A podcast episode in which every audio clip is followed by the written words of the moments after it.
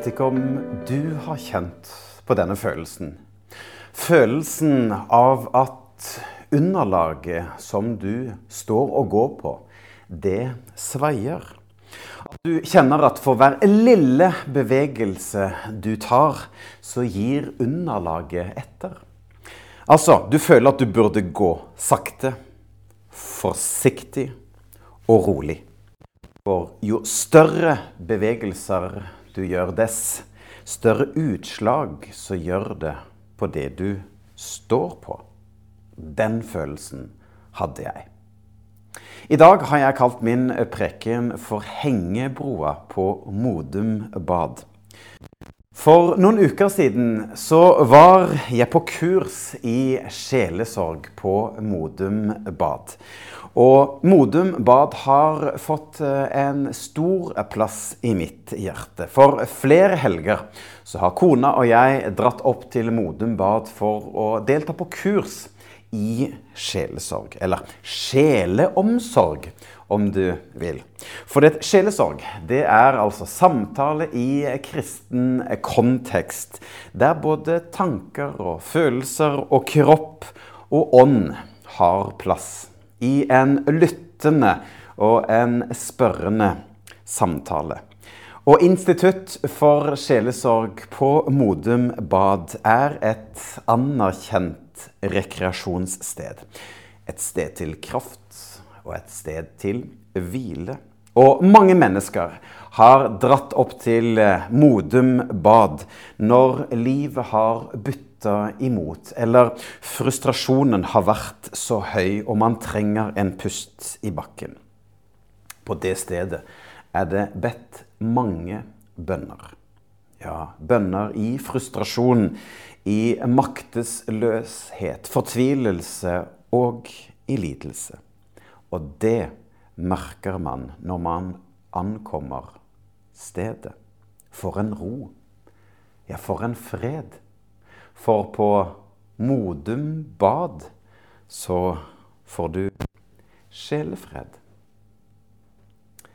Og i disse omgivelsene så finner vi hengebroa på Modum bad. For noen hundre meter fra instituttet så, så ligger altså Modum hengebro. Og det var her jeg fikk denne følelsen som jeg nevnte i stad. Et underlag som sveier. Altså, hengebroa, den gir etter når du går på den. Og jeg kjente meg usikker. Jeg kjente meg redd. Altså, vil dette holde? Vil denne broa bære meg? Og det var da det slo meg. Denne velkjente metaforen eller bildet på frelse og Guds kjærlighet. Ja, for frelsen blir eh, ofte forklart ved en bro, eller ved et kors som går over en kløft. For på den ene siden av kløften står jeg, og på den andre siden av kløften står eh, Gud. Og i meg selv så klarer ikke jeg å komme over til Gud på den andre siden. Og Gud som er hellig og ren, kan heller ikke være i kontakt med syndige mennesker, meg.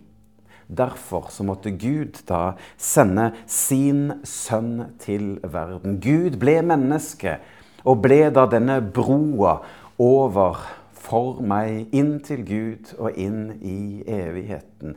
Korset blir som en bro inn sammen med Gud.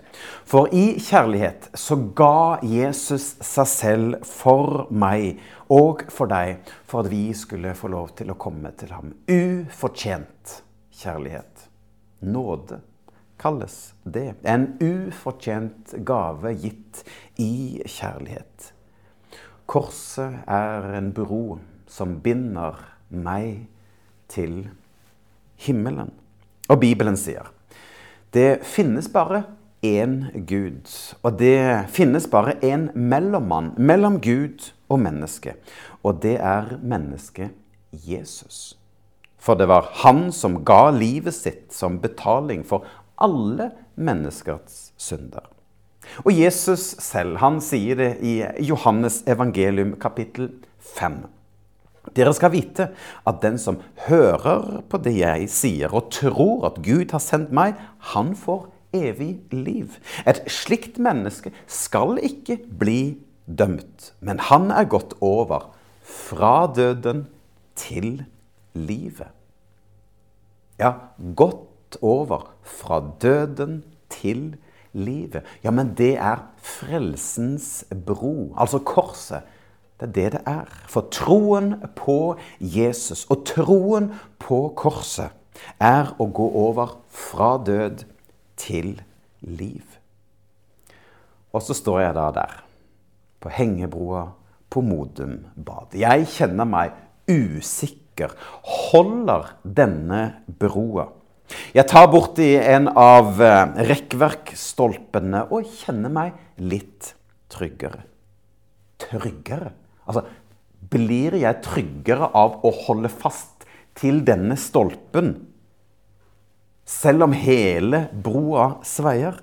Ja, utrolig nok så ble jeg litt tryggere. For en slik hengebro er jo nettopp bygget opp av flere vaiere som går fra den ene siden til den andre siden. Og oppå disse veierne er det da lagt noen treplanker som former et underlag, slik at jeg og du kan få lov til å gå over på den andre siden. Men det føles ikke trygt, for underlaget sveier og gir etter. Og samtidig så er det kanskje seks meter rett ned i juvet. Altså, raser dette, ja, da er alt over. For eh, noen så kan frelsen føles slik. Man er på vandring over broa, ja, altså frelsens bro, og så kjenner man seg utrygg. Altså, holder dette med troen? For man kjenner at broa, eller troen, gir etter. Man nærmest lister seg over mot den andre siden. Er det lov å være usikker? Er det lov til å kjenne på frykt? Ja, det er lov å kjenne på denne usikkerheten. Det er lov til å kjenne at troen sveier. For disippelen Thomas ja, han hadde jo gått sammen med Jesus eh, i tre år.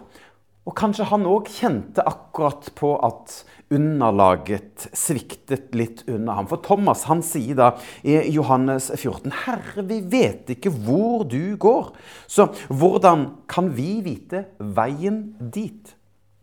Men Jesus, han svarer, tro på meg. Jeg er veien, sannheten og livet. Ingen kommer til Gud, min far, uten å gå gjennom meg. For ved å bli kjent med meg, blir det også kjent med Gud, min far. Tro på meg, sier Jesus. Ja, tro på meg. For Jesus er veien, sannheten og livet. Han er den eneste veien til Gud, til himmelen og til det evige liv. Og troen er ikke noe jeg selv skal bære, men troen bærer meg. For selv om jeg kan kjenne på usikkerhet, på utrygghet, så vet jeg at denne broa har stått i tiår etter tiår. Ja, den holder. For uh, tusenvis, ja millioner av mennesker har vandret over denne broen. Noen vandret rakrygget. Noen krumbøyd. Og andre klynget seg fast til trestolpene langs gjerdet klynget seg fast. Ja, det minner meg om denne gamle, kjente, gode kristne sangskatten som heter Det eldgamle kors. Og teksten går slik. På en høyde langt borte sto en gang et kors. Symbolet på smerte og skam. hvor all verdens misgjerning og kjensel og dom ble lagt på Guds hellige lam. Jeg vil elske det eldgamle kors. Til dets mektige favn vil jeg fly. Jeg vil klynge meg fast til dets fot, inntil kronen jeg får over sky. Ja, jeg vil klynge meg fast til dets fot. Altså, korset for meg, det handler om å klynge seg fast til ham som har gjort alt for meg. Da han led, da han døde, og da han oppsto igjen for meg. Og på vandring på livets vei og på frelsens vei så er det lov til å holde seg fast ved disse trestolpene. For disse trestolpene det kan være det jeg kaller for hellige vaner. Altså vaner vi gjør for å holde troen ved like. Ja, Bibel og bønn, gudstjeneste, nattverd. Ja, ja, dette det hjelper oss til å holde fast ved troen gjennom livet. Og så står jeg da der, på hengebroa på Modum bad. På broen så ser jeg ned på de plankene jeg står på. Tykke, lange planker. Ja, de holder meg. De bærer meg. For mens da troen sveier, så kommer det for meg. Ja, plankene er jo Jesus. For han ga seg selv. Han la seg ned for meg i kjærlighet. Han valgte å dø for meg. For en slik kjærlighet er gitt til meg og for meg. Selv om jeg kan kjenne på frykt, selv om jeg kan kjenne på nederlag. For kjærligheten, nåden, er gitt uavhengig av meg. For korset, det er kjærlighetens tegn.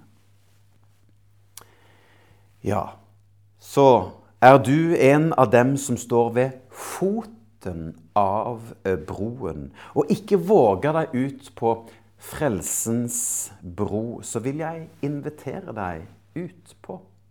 Den er trygg.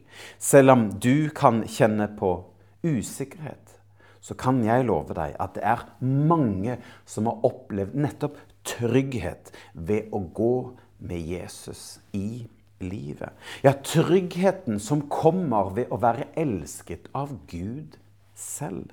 Han er hos oss bestandig. Han har lovet å gå sammen med oss, ja, helt inn i evigheten. Etter eh, mitt besøk på hengebroa på Modum bad, så snur jeg og drar tilbake mot instituttet på Modum bad. Og da går jeg forbi Olavskirken. Og kvelden før så hadde vi gudstjeneste der inne. Og på venstre side i kirken så står det et bord. Og på dette bordet så står håpstreet. Og ved foten av treet så ligger det knuste glassbiter som symboliserer dette ødelagte i livene våre.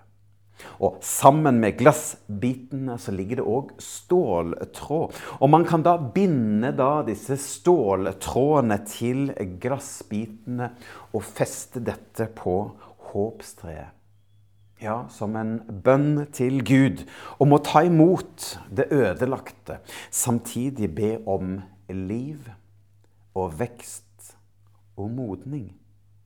For selv om vi kan føle at livet har hatt mange knuste glassbiter, så kan vi legge det på Vår Herre. Han tar imot og inviterer oss til å bevege oss nærmere ham. Så både med vår sorg og frustrasjon og samtidig med hele vårt liv, så kan vi få lov til å ta imot frelsen og nåden som Han gir. Så velkommen til å vandre på frelsens bro. Velkommen til å komme nærmere vår Herre. Velkommen til å gi dine knuste glassbiter til ham. For våre glassbiter er ikke der for å skape avstand til troen, men de åpner opp for at vi kan komme slik vi er. Med våre ødelagte glassbiter, med våre tomme hender. Og det å kunne ta imot. Ja, ta imot av Gud. Han som kan skape liv i det som er ødelagt. Så velkommen.